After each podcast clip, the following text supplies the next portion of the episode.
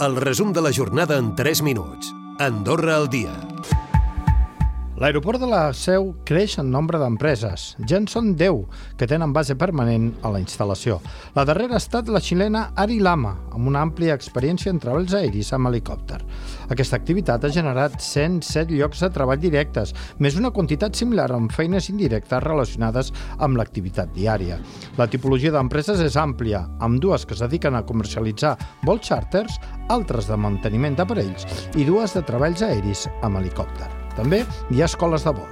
Aeroports de Catalunya preveu que el creixement continuarà aquest any, ja que quatre empreses més han demostrat interès per instal·lar-se a l'aeroport. Escoltem Daniel Albalate, president i conseller delegat d'Aeroports de Catalunya.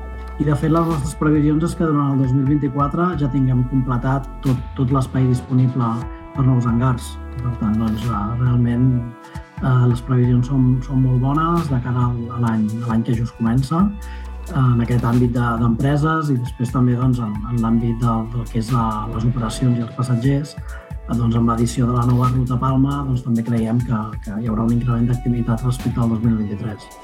Els perfils de les noves demandes se centren en empreses de vols turístics, d'aviació privada i treballs aeris. De les 4.653 operacions que es van comptabilitzar el 2023, gairebé la meitat corresponien a treballs aeris. 517 van ser operacions al grup d'actuacions especials dels bombers de la Generalitat, que tenen una base a l'aeroport, i 152 relacionades amb incendis i fumigació. Més notícies perquè les solucions per la problemàtica de l'habitatge no seran ràpides ni màgiques. Tot i les justificacions a l'executiu, des dels grups parlamentaris es considera que les mesures aplicades són insuficients i que cal seguir el full de ruta i continuar treballant per posar-hi remei. El cap de govern ha defensat la feina feta per l'executiu pel que fa a l'habitatge. S'han aplicat mesures els darrers mesos que encara han de recollir els fruits o posar-se en marxa i així espera que la preocupació de la ciutadania reflectida a l'enquesta de l'Observatori comenci a baixar. Escoltem Xavier Espot, cap de govern tots els recursos del govern estan mobilitzats per intentar trobar solucions a aquesta greu problemàtica. Dit això, les solucions no són fàcils, eh, ni hi ha solucions miracle.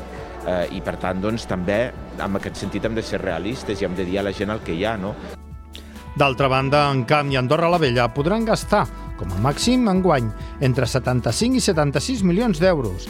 El Tribunal de Comptes ha donat a conèixer els límits de despesa dels comuns per aquest any 2024 i el més baix és la Massana, amb una mica menys de 21 milions. Segueixen Sant Julià, Canillo i Ordino, amb uns 30 milions, i Escalda Sant Gordany, amb 50. Es tracta de llindars que marca la institució per complir els objectius de sostenibilitat financera i estabilitat pressupostària i fiscal.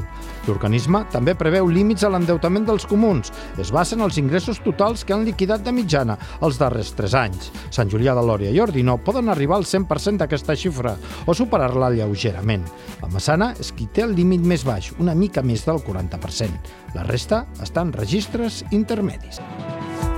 Recupera el resum de la jornada cada dia a AndorraDifusió.d i a les plataformes de podcast.